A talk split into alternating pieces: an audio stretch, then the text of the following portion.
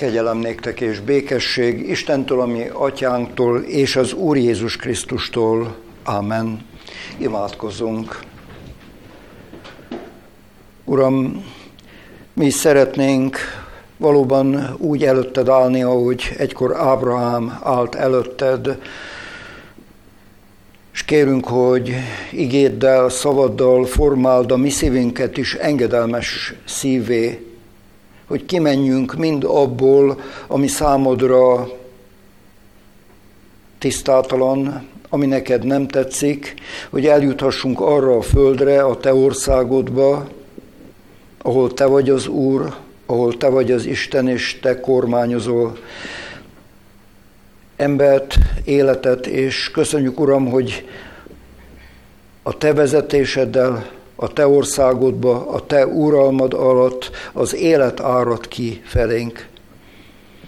Köszönjük, hogy munkálkodsz ma is, de várjuk, Uram, szavadat, amely bennünk életet és engedelmességet teremt. Bocsáss meg, hogy sokszor hívő létünkre engedetlenekké leszünk, és nem tesszük meg mindazt, amit megértettünk a Te igédből, hanem a maga, magunk és magam akaratát teszem, és nem azt, amit Te elvársz tőlem, amit mondasz nekem. Bocsáss meg, hogy sokszor nem is halljuk meg a hangodat. Túl nagy bennünk, Uram, az, az zaj, hogy meghalljuk a Te halk szelíd, hangodat, amelyel vezetsz és irányítasz, amelyet, amelyel életet teremtesz. De azért vagyunk itt, Uram, hogy most is tedd meg ígéretedet. Te ígérted, Uram, ha ketten-hárman összejövünk a Te nevedben, akkor ott vagy velünk. És ebben a hitben, ebben a reménységben kérünk most, mivel itt vagy, Uram, hallgassd meg kérésünket, munkálkodj életünkbe, szívünkbe, tégy velünk is, Uram, csodát, ami az ember szemében olyan hihetetlen csoda, amikor megfordul az életünk, és az engedelmesség útján járhatunk.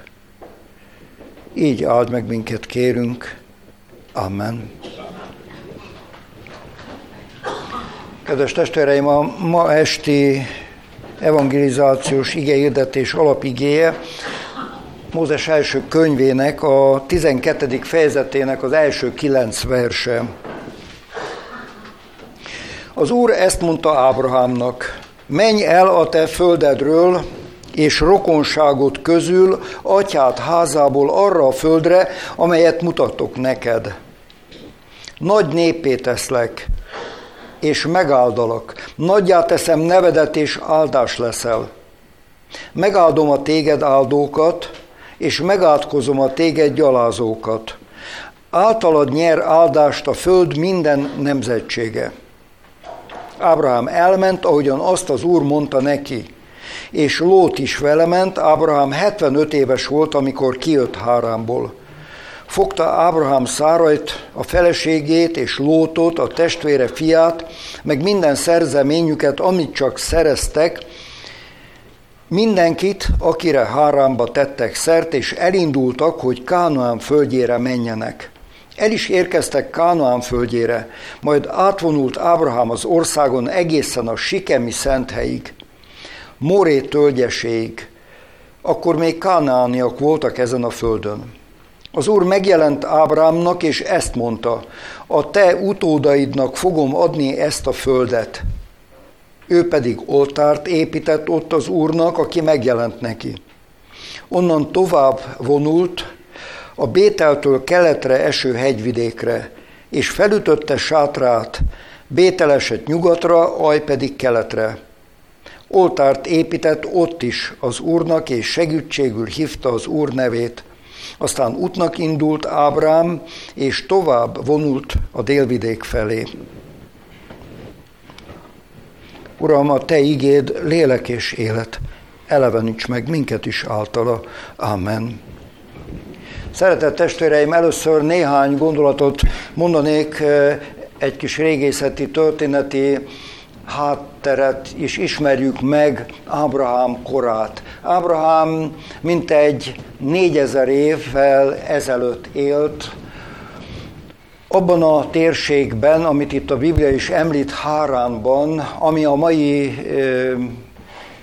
Szíria területén található, és a család, tudjuk, úr városából költözött ebbe az északi ö, városba, illetve környékére, és ott éltek. Úr városát, amikor kiásták, az Babilon területén van, Mezopotámiában, akkor ott csodálatos gazdagságot találtak, és olyan kultúrát, ami az emberiség akkor legmagasabb kultúrája volt, 10-20 szobás épületek, és belül a falakon belül vízvezetékek voltak, tehát rendkívül magas kultúrát kell elképzelni, és ebből a közegből származik a család.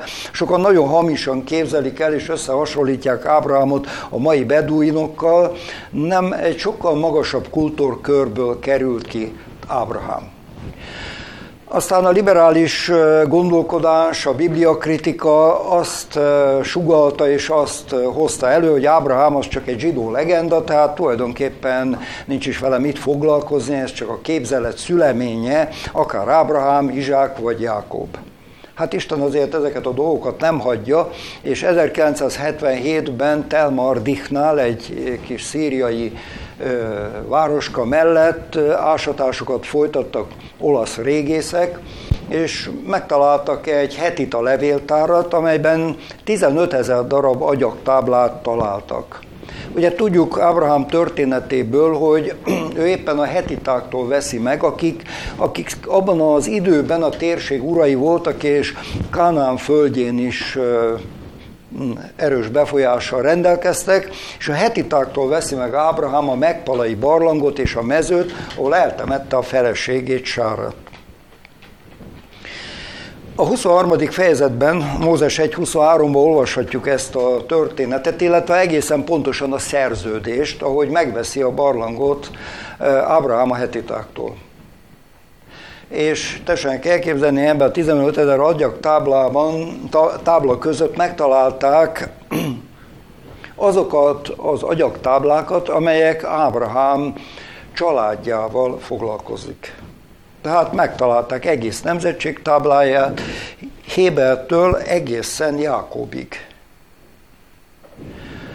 Hát ez egy roppant fontos a Biblia hitelessége szempontjából, hogy Ábrahám egy történeti személyiség. Megvizsgálták ezeket az agyagtáblákat a C14-es karbonvizsgálattal, és kiderült, hogy tőlünk számítva 4200 4250 év közé tehető az időkoruk ezeknek. Ami aztán a legmeglepőbb volt, hogy az előbb említett 1 Mózes 23. fejezete szó szerint rajta volt az egyik agyaktáblán. Tehát Mózesnek a kezébe kellett, hogy legyen ennek egyik példánya, mert hát akkor is így volt, ha valaki vásárolt valamit, kapott egyet, a, egy dokumentumot az eladó, egyet a vevő, egyet pedig levéltárba tettek. És ez a levéltári példány volt, és amit megtaláltak 1977-ben. Na most azért mondom ezt el, mert testvérek, nagyon fontos, hogy mi, mai keresztények, amikor annyi oldalról gyalázzák a Bibliát, annyi oldalról járatták már le, tessenek komolyan venni, hogy az újabb régészeti kutatások abszolút visszaigazolták a Biblia hitelességét. Most nem akarok erre kitérni, mert nem erről kell szólnom, de most az Ábrahámmal kapcsolatos régészeti eredményeket azért jó, ha tudják a testvérek, hogy nem valami legendás alakról van itt szó, hanem egy történelmi szeméről, és Ez nagyon fontos, mert a mi Istenünk abban különbözik minden más Istentől, a pogányok isteneitől, a, a Biblia hite, nem is nevezem vallásnak. A Biblia hite abban különbözik a vallásoktól, hogy a mi Istenünk a történelembe, az emberi történelembe megszólaló Isten. Az emberi életekben megszólaló Isten, mert mennyei atya, mert ismer bennünket, mert titeket is nép szerint ismer, személy szerint gondja van rátok. Azt mondja az Úr Jézus, egyetlen verebecske nem esik le a mennyei atya tudta nélkül. Ilyen Istenünk van. Még a verebeket is számon tartja Jézus, azt mondja, ti sok verebecskénél drágábbak vagytok. Ezt nagyon fontos megérteni, és ez az Isten elvesztette az embert. Tulajdonképpen az ős történet, ami megelőzi Ábrahám történetét, arról szól, hogy az ember teljesen elszakadt az Istentől. Ugye a bábeli történet végén az ember teljes zavarba van. Elveszítette az Istennel való kapcsolatát, az egész világ pogány.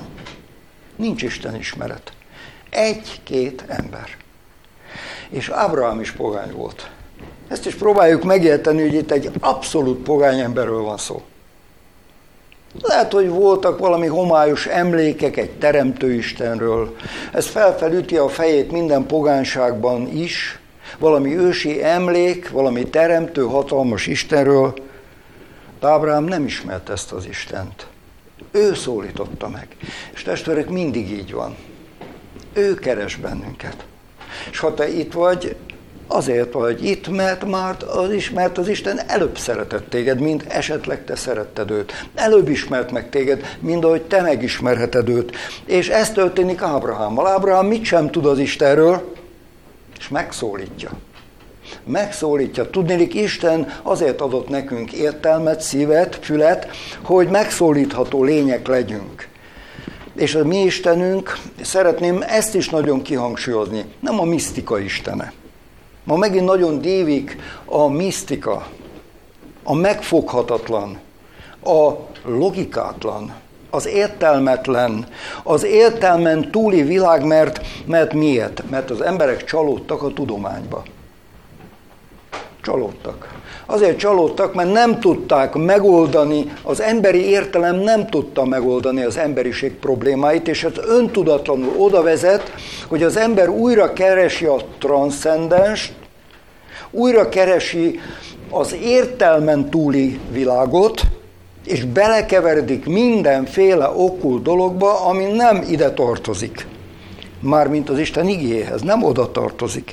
És ezért ez a pogánság.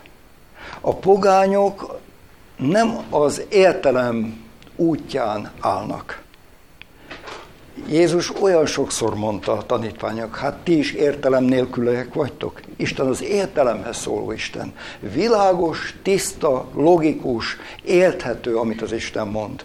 És így szólítja meg Ábrahámot. De mit mond neki az Isten? Az példaértékű. Tulajdonképpen Isten mindig ezt teszi.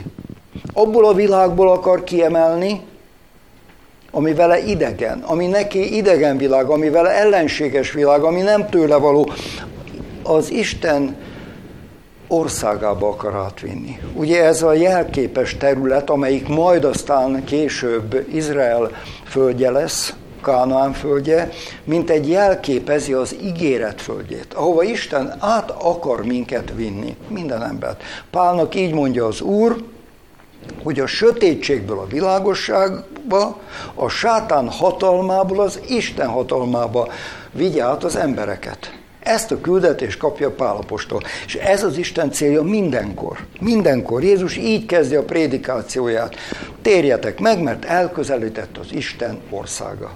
Inkább így kellene fordítani, az Isten királyi uralma, Isten királysága. Ez történik Ábrahámmal. Isten minden embert csak így szólíthat meg, mert ez a célja. Az a célja, hogy ne veszél el ő nélküle hogy nem az ő hatalmába kerüljél, az ő királysága alá, mert az egy örökké való királyság, az élet uralma, amit az Isten kínál. Miért éppen Ábrahám? Na most ezt a kérdést nem is szabad feltenni. Hát Isten szuverén joga, ő az Úr. Hogy ő éppen kit szólít meg, az az ő joga. Igen ám, csak azért van ennek egy emberi oldala nem mindannyian vagyunk megszólítható emberek. De így is mondanám, nem vagyunk mindig és mindenkor egyformán megszólítható emberek. Van úgy, hogy nem lehet egy emberhez szólni, még nem kész a szíve. Majd az Isten elkészíti azt a pillanatot, amikor meg lehet szólítani. Olyan érdekes, hogy Jézus mondja az Ákeusnak ma. A te házadba kell lennem. Tulajdonképpen Zákeusnak akkor jött el az a pillanat, amikor találkozhatott. Kész volt már arra a szíve, hogy fogadja az Úr Jézust. Fogadja Isten igéjét. Tessék megfigyelni, mindegyikünknek a saját életében volt egy pillanat, amikor valami csoda folytán megnyílt a fülünk, és most mintha nekem beszélne az Isten. Mikor olvasom az igét, amikor egy ige hirdetést hallok, egyszer csak azt mondom, hát ez nekem szól. Hát engem szólított meg az Isten. Na most persze ez megint nagyon fontos érteni, akkor és ott Ábrahám idejében még nem volt szentírás természetesen. És ma is sokan azt mondják, ja, hát ha nekem is úgy szólna az Isten, mint Ábrahámnak, akkor majd én mennék. Nem így van. Egyáltalán nem így van. Sokkal világosabban szól hozzánk ma az Isten, mint gondolnánk. Az Isten igéje által olyan világosan, hogy belerendül annak a szíve, aki ezt tényleg a Szentlélek által megelevenített ige eljut.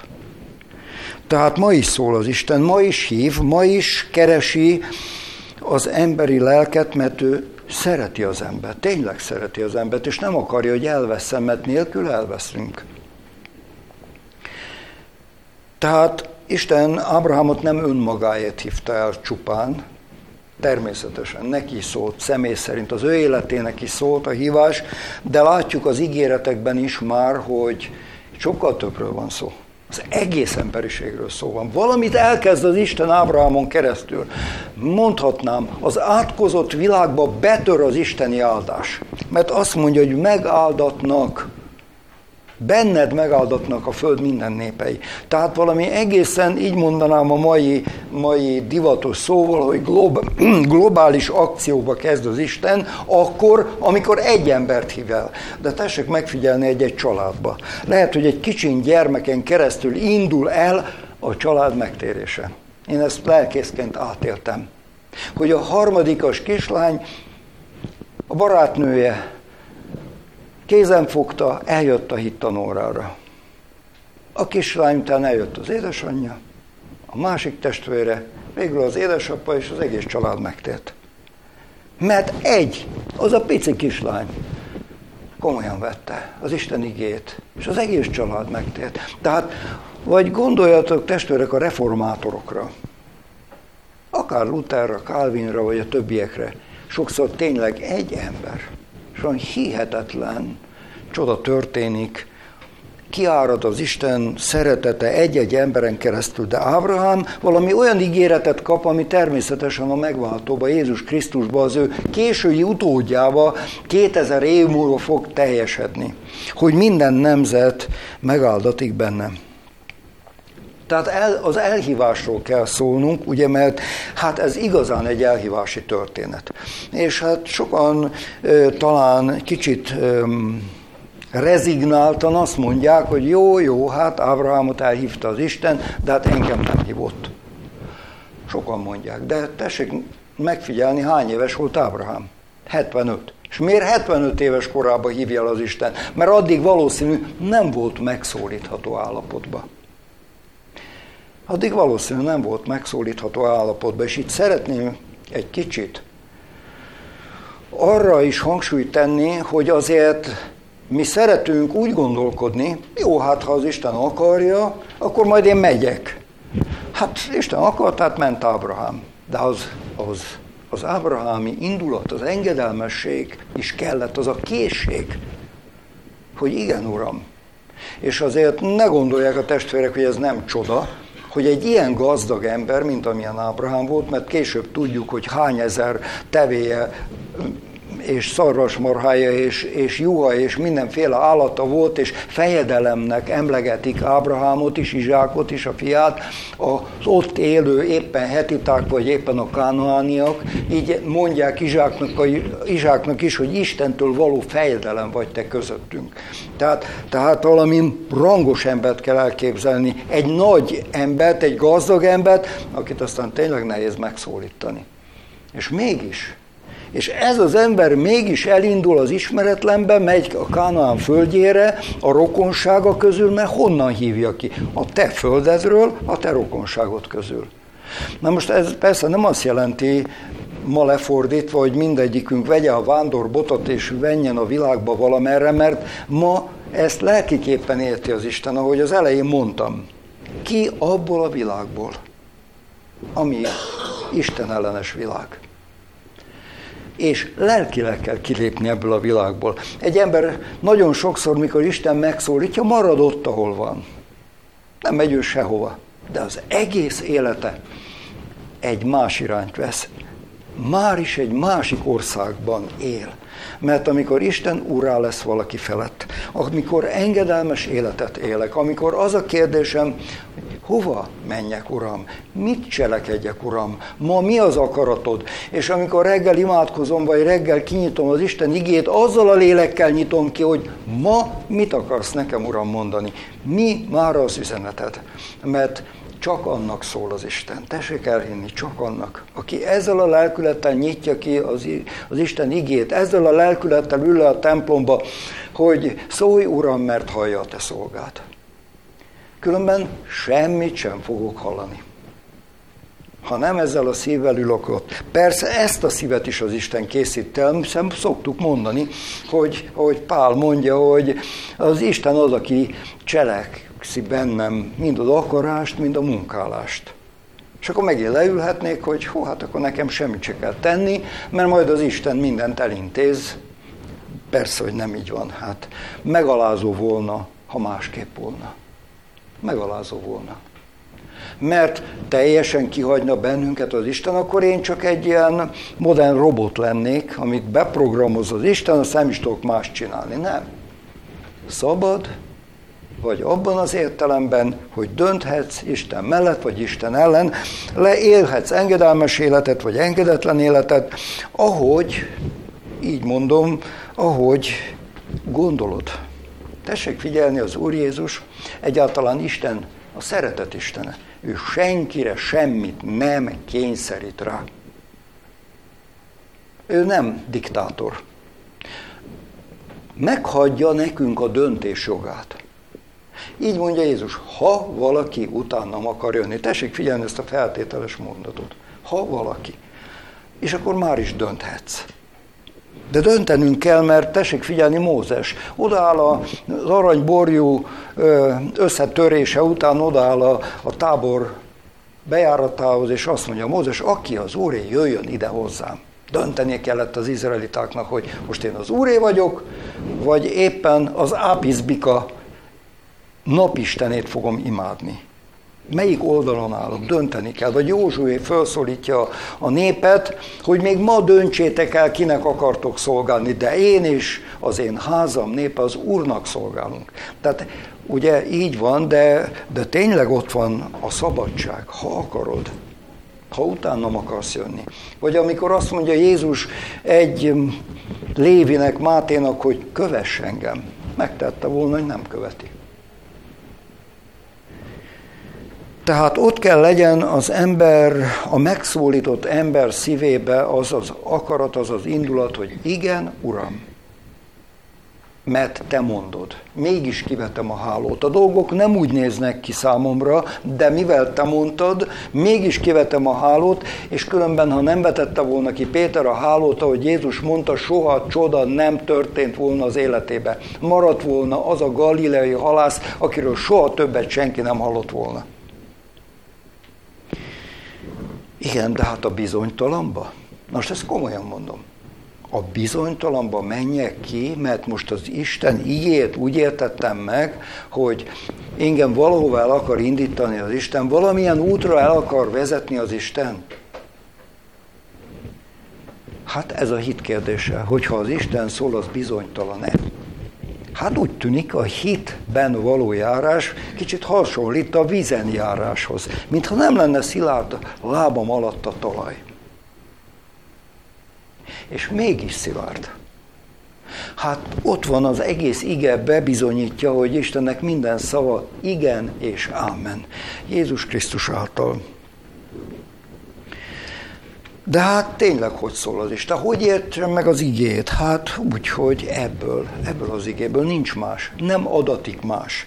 Jézus is azt mondja a zsidóknak, a gazdag és Lázár történetébe, van Mózesük és profétájuk, hallgassanak azokra.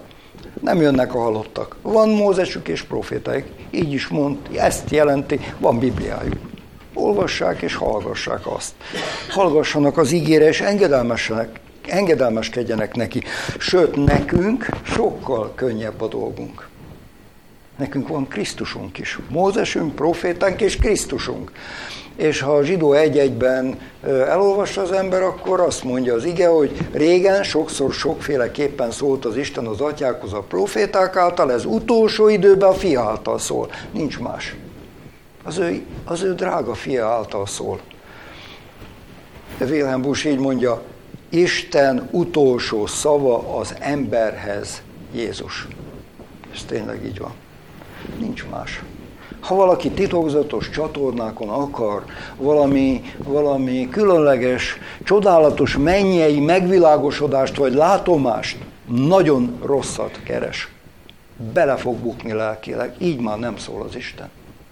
A proféták kaptak ilyet, mi már nem kapunk. Mi időnkben, az utolsó időkben csak a fia által szól. Elhívhatók vagyunk.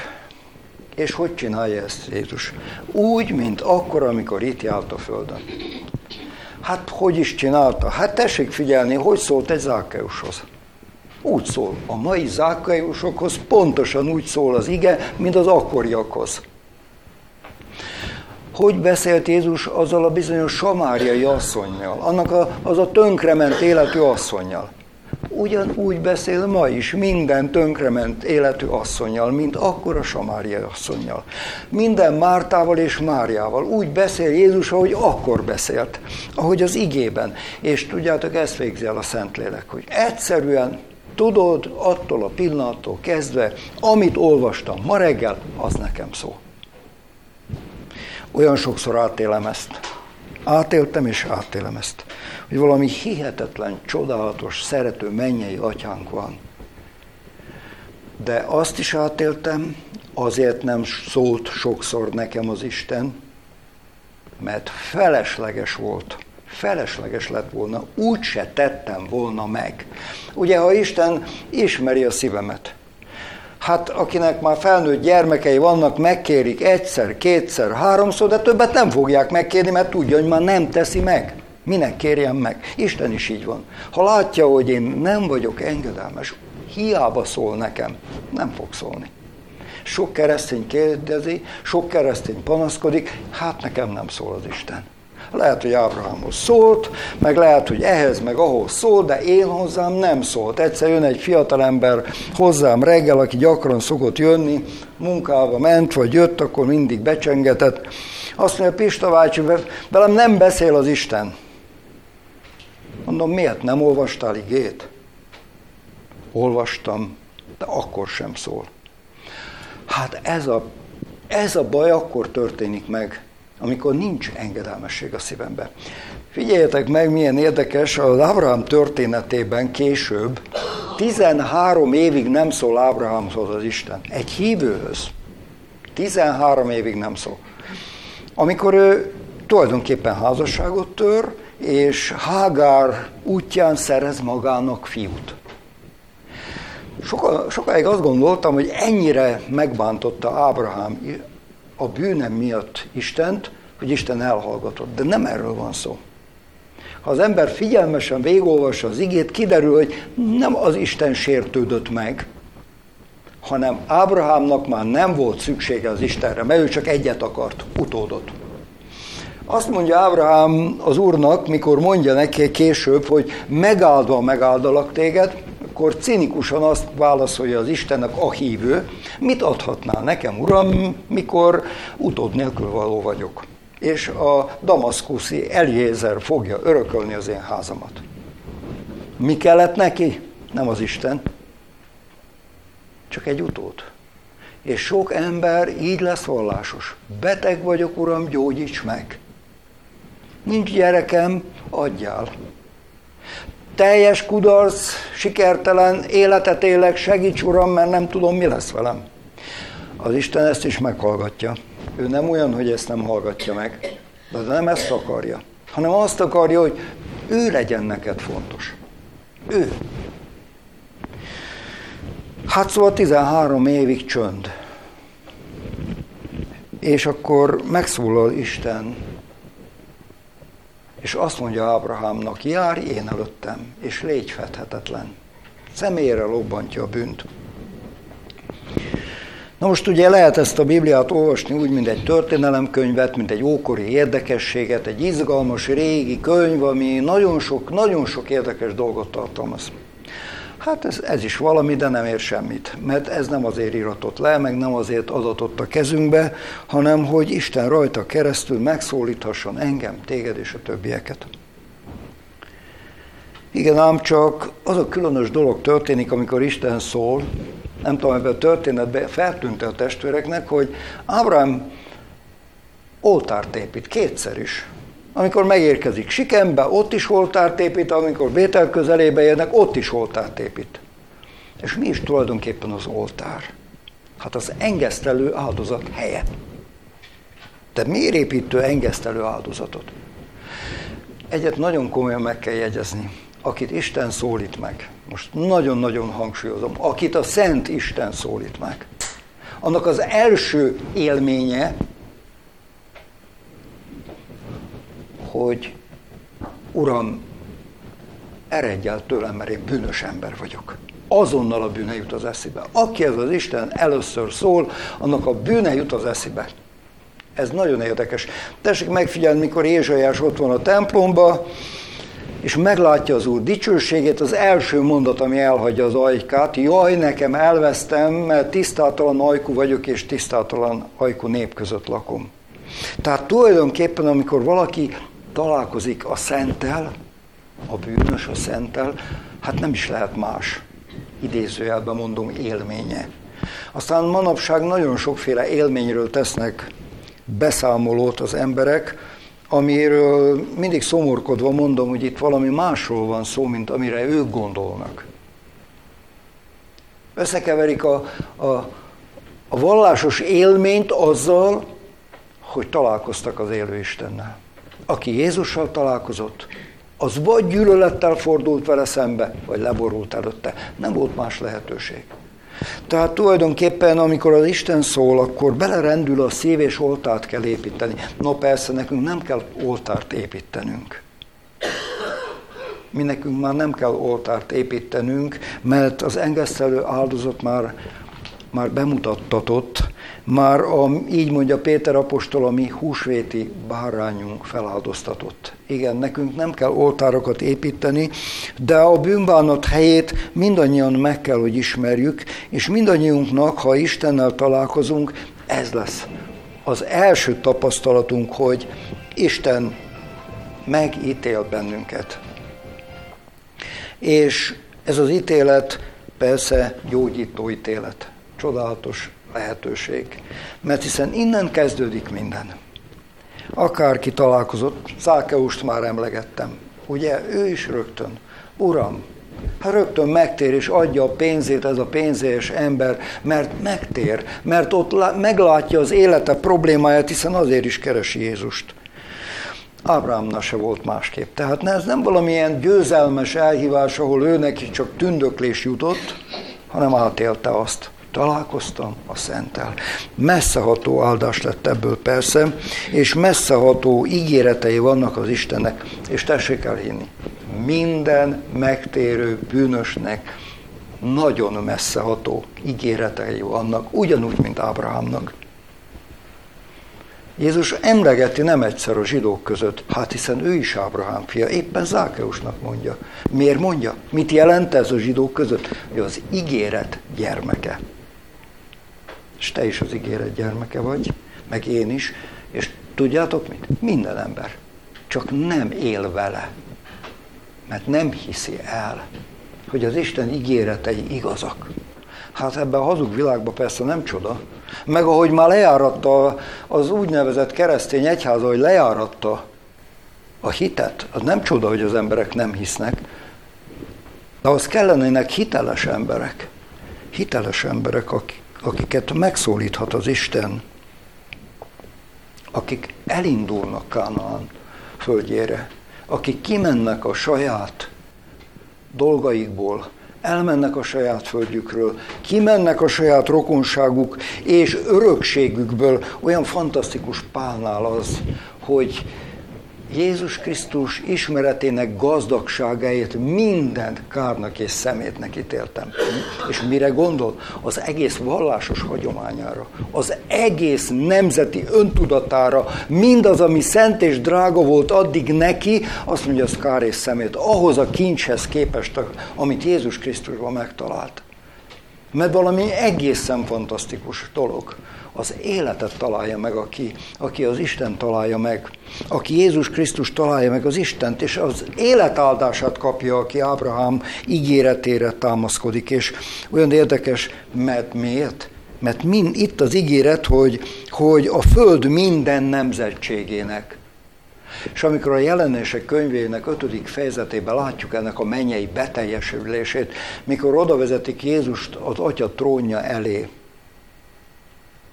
és mint megöletett bárányt látja János a jelenetet, és akkor elhangzik ott az a csodálatos kijelentés, hogy méltó vagy, hogy feltölt a pecsétet, mert megölettél, és véreden vásároltad meg őket minden népből, törzsből és nemzetből. Tehát az egész emberiségből. Itt nem valami nem valami nacionalista zsidó ígéretről van szó, amit aztán később sajnos ők maguk, magukra nézve így értelmeztek, tökéletesen félreértve az ígéreteket, hanem az egész világ. Úgy szerette Isten a világot, ugye mennyire világos ebben te is ben vagy, én is, mindenki, a pogány is. Na de hát, ott vannak ezek a szerencsétlen buddhisták és mohamedánok, most akkor velük mi lesz? Mondják nekem sokan. Én erre azt szoktam válaszolni, ezzel először azon izgass magad, hogy veled mi lesz. Majd utána izgathatod magadat, hogy mi lesz a, a buddhistával. Hát őnek is csak ezek az ígéretek vannak. Tetszenek érteni ezt? Nekik is. És senki se üdvözül. Hiába vagyunk mi megkeresztelve, ha semmibe vesszük az Isten ígéreteket.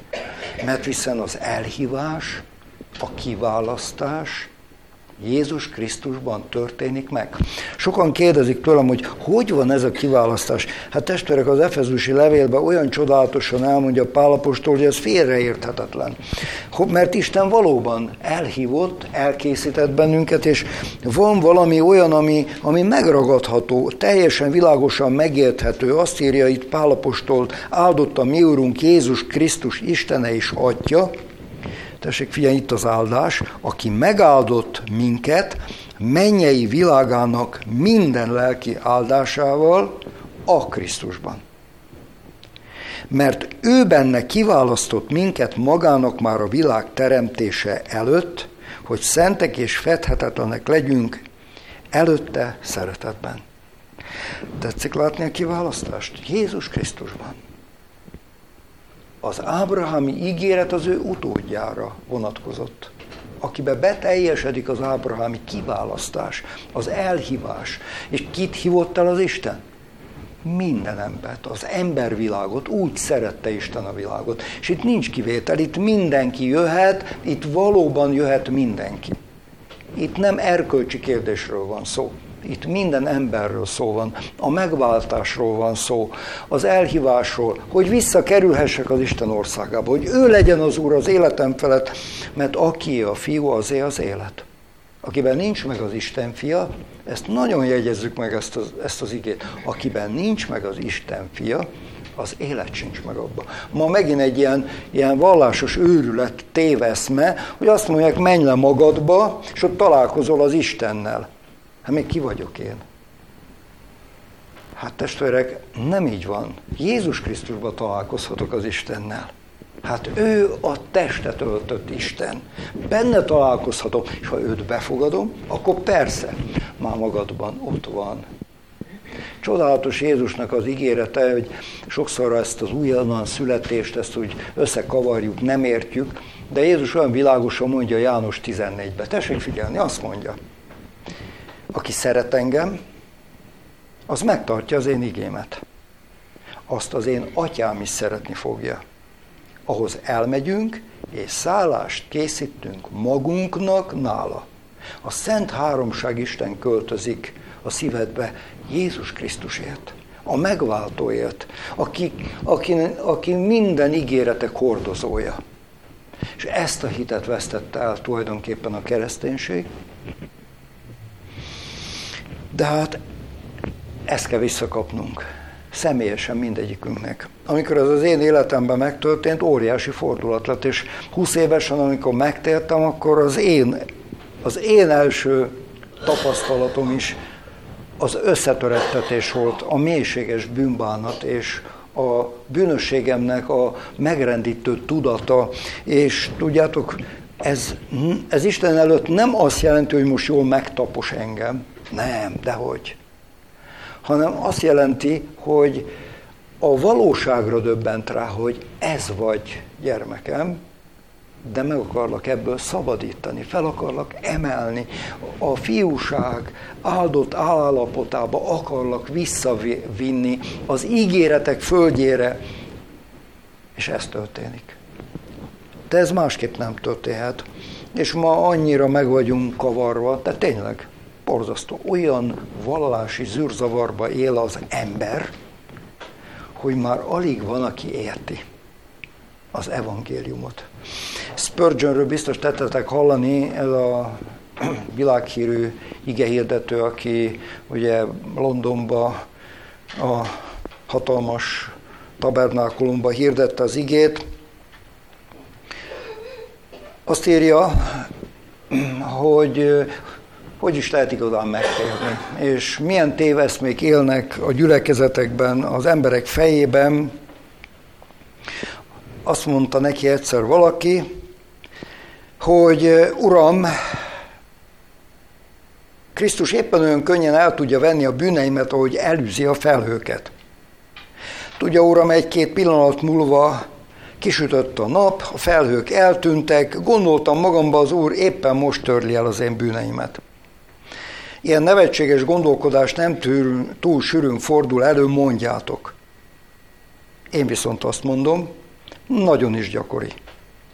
Az ember arra a feltételezésre juthat, hogy a Földön a legnagyobb képtelenség az isteni kegyelem megnyilvánulása az emberi szívekbe. Tehát ő pont azt mondja, hogy milyen ilyen eszement vallásosok vagyunk, hogy olyan dolgokban reménykedünk, aminek semmi értelme.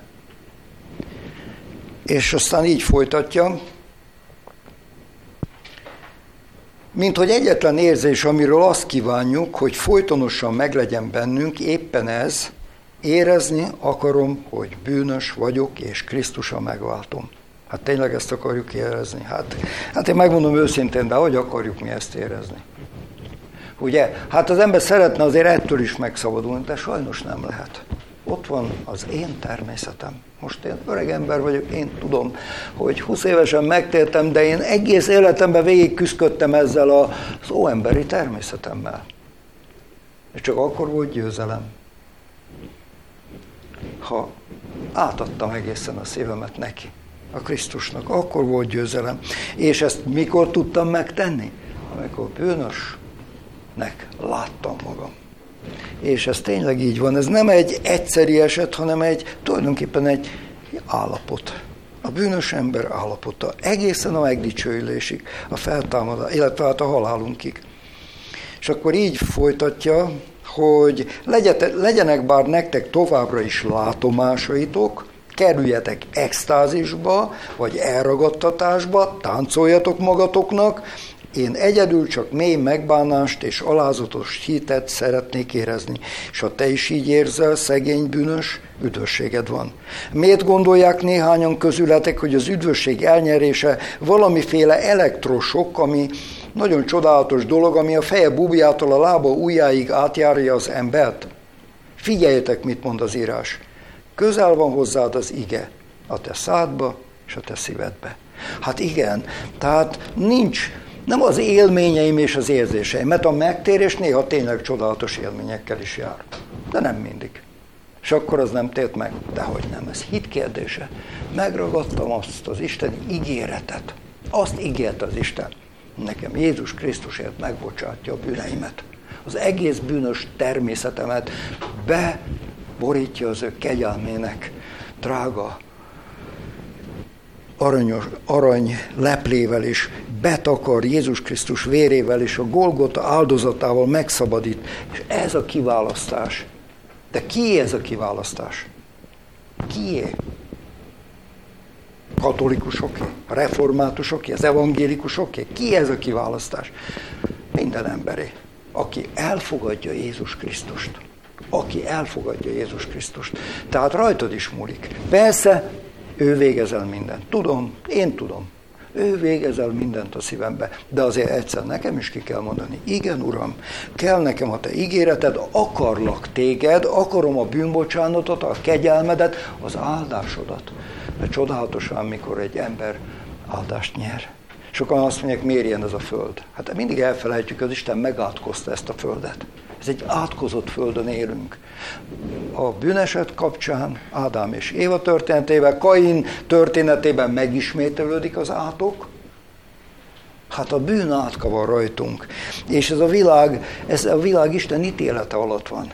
És amikor az ember kijön ebből, úgy, hogy Ábrahám kijött a világból, ugye ez egy szimbolikus tett, hogy ő kimegy Kánaán földjére, oda, hova az Isten mondta neki, és ha te is odamész, ahova az Isten mutat, akkor, akkor csodálatos áldásokat fogsz átélni. Most képzeljétek el, én 46 évesen elmentem egy csendes hétre,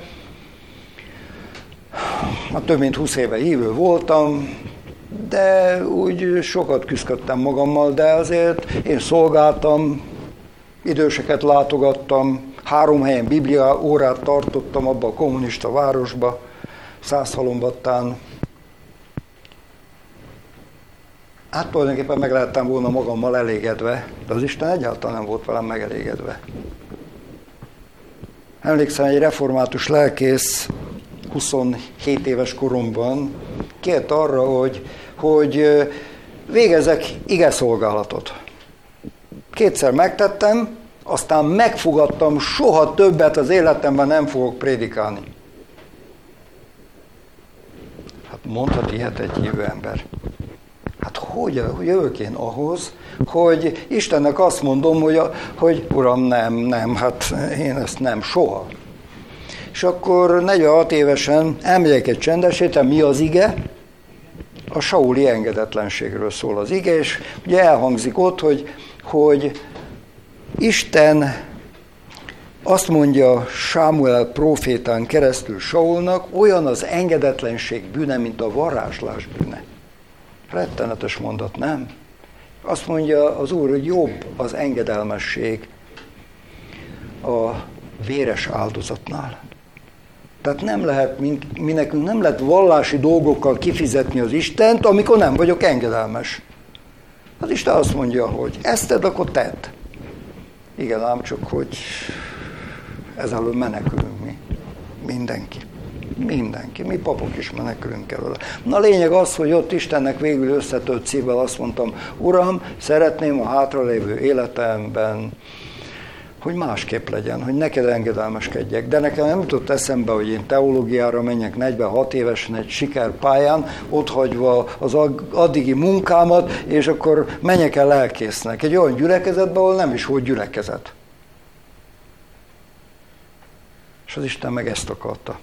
Én nekem eszembe se jutott, mások terelgettek ebbe az irányba, és tulajdonképpen elvégeztem a teológiát, 50 évesen szeltettek lelkészé, aztán 5 évig dolgoztam félállásban a munkahelyen, hogy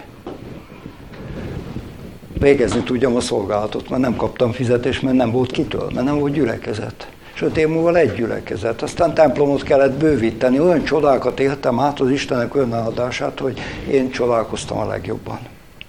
De ha nem engedelmeskedem, ezeket a drága isteni csodákat soha nem élem át. És amikor elhívtak engem ebbe a gyülekezetbe, hogy vállaljam el ott a szolgálatot, akkor azt mondtam a presbitereknek, majd ha az Isten igébe válaszol nekem, akkor igen, egyébként nem. Nem volt elég ez az emberi hívás? Nem, nekem nem és megmondtam nekik, hogy január 1-én fogok, 91. január 1-én fogok választ adni. És hajnalba fölkeltem január 1-én, és elmondtam az úrnak, hogy uram, eltelt a fél év, de nekem te nem mondtál erről a szolgálatról semmit. Kinyitom az útmutatót, és az volt az újévi ószövetségi ige, kezdj el, fog hozzá, és az Úr legyen veled. És kinyitom, hogy honnan is való az ige, hát Dávid mondja Salamonnak, hogy építsen templomot az Úrnak. Így beszél ám az Isten. És szól. Ó, mennyit, mennyiféleképpen szólt nekem az Isten, és szól ma is. Csak azzal a szívvel kell kinyitni az igét. És az ő elhívása valóban visszavonhatatlan. Mi olyan sokszor átéljük hívők, biztos ti is tudjátok. Nem. Az ember úgy van vele, hogy én, Uram, nem vagyok méltó erre, hogy a te szolgád legyek, nem vagyok méltó az üdvösségre. Az ördög meg is ingatja a hitünket, hogy te akarsz bekerülni az Isten országába, te, aki ilyen bűnös vagy, ilyen nyomorult vagy. Hányszor küzdködünk ezzel? Az ördög jó meg is támad bennünket. Aztán Isten meg megvigasztal. Mert nem az én, nem az én értemen alapul, és tudjátok, ez a csodálatos ebben a kegyelembe. Hogy nem azért üdvözülsz, mert te olyan jó gyerek vagy, hanem azért, mert az Krisztusi áldozat olyan tökéletes, egyetlen áldozatával örökre tökéletessé tette a megszentelteket. Ez a mi elhívásunk alapja. Ahogy Krisztusban elhivattunk, Krisztusban megváltottunk. És ez visszavonhatatlan. Ezt senki nem veheti el tőled. Gondoljatok arra a csodálatos himnuszra, amikor Pál a Róma 8-ban azt mondja, hogy kicsoda váldolja az Isten választottait. Isten az, aki megigazít. Igen, a sátán vádol bennünket, meg sokszor a mi szívünk is. És akkor János Apostol azt mondja, Isten nagyobb a mi szívünknél. Az a kegyelem valami hihetetlen, az a kegyelem olyan csodálatos, amelyik megőriz, megtart, és elhordoz egész az üdvösségig. De egyet vált tőled az Isten. Légy engedelmes testvérem. És nem, nem mindig nagy dolgokra hívám az Isten bennünket. Sokszor egész kicsi dolgokba kellene engedelmeskednünk, hogy tegyük a családba azt, amit tenni kell, hogy tegyünk róla az életünkkel, szavunkkal bizonyságot. Sokszor ezek olyan nagy dolgok ám aztán, hogy az ember nem is hiszi olyan sokszor tapasztaltam, hogy egy-egy idős nagymama milyen hatalmas dolgot végzett el a családba, mert imádkozott, mert bizonyságot tett, és az élete olyan volt, és emberi lelkek menekültek meg. És ma is nincs más. Ki volt ez az Ábrahám? Éppen olyan bűnös, még ráadásul pogány ember, és az Istennek tetszett őt kiválasztani, elhívni. És most itt vagyunk, és erősödjünk meg ebbe a hitben, hogy elhívott vagy Jézus Krisztusban. Senki, azt mondja Pál, semmi és senki nem szakíthat el minket Isten szeretetétől, amely megjelent Jézus Krisztusban. Semmi. Csak én tagadhatnám meg őt, de ki az az őrült hívő ember, aki megtagadja az ő Istenét, Krisztusát? Ugye? Tehát lehetne győzelmes hívő életet élni, és kin múlik? Rajtunk, rajtad és rajtam. Lehetne győzelmes egyházi életünk is, kin múlik? Rajtunk és rajtad. Tehát tulajdonképpen az engedelmes szívű embereken, akik hajlandók kimenni abból, amiből Isten kihívja őket. Imádkozzunk. Drága Úrunk, olyan jó, hogy Te az igében mindent elmondasz nekünk, ami, ami lelkünk üdvösségére való. Mindent megérthetünk, ha őszintén állunk előtted. Ahogy elhívtad ezt a pogány embert, aki sok nép atyává lehetett, aki a hívők atyává lehetett, az ígéretek hordozójává lehetett, mert, mert engedelmeskedett, mert elindult azon az úton a te szavad szerint, amelyre te elhívtad őt. Áldunk, Uram, hogy egyetlen szavad elég ahhoz, hogy a halott kijöjjön, feltámadjon. Egyetlen szavad elég, hogy a béna kezű kinyújtsa a kezét. Egyetlen szavad elég, hogy lecsendesedjen a tenger, és csend legyen. Egyetlen szavad elég, Uram, hogy a szívünk viharai elüljenek, hogy a hit csendes bizonyossága töltsön be bennünket, és egyetlen áldozatod elég volt arra, hogy bűneink bocsánatát kapjuk. Állunk és magasztalunk ezért, Uram, és kérünk, hordoz minket továbbra is irgalmaddal, szereteteddel, kegyelmeddel, nap mint nap, és adj nekünk, Uram, engedelmes szívet. Mert látod, milyen csapodára mi szívünk, mennyire nem tudunk hűségesek lenni. Tedd meg, Úr Jézus, hogy a Te hűséged, a Te szereteted, a Te tisztaságod, a Te szentséged tölthesse be szívünket, igéd és szent lelked által. Amen. Mondjuk el együtt az Úrtól tanult imádságot. Mi atyánk, aki a mennyekben vagy, szenteltessék meg a Te neved, jöjjön el a Te országod, legyen meg a Te akaratod, amint a mennyben, úgy a földön is. Mindennapi kenyerünket add meg nékünk ma, és bocsásd meg a mi védkeinket, miképpen mi is megbocsátunk az ellenünk védkezőknek, és ne vigy minket kísértésbe, de szabadíts meg a gonosztól, mert tiéd az ország, a hatalom és a dicsőség mind örökké. Amen. Isten békessége, amely minden értelmet felülhalad, őrizze meg szíveinket és gondolatainkat a Krisztus Jézusban. Amen.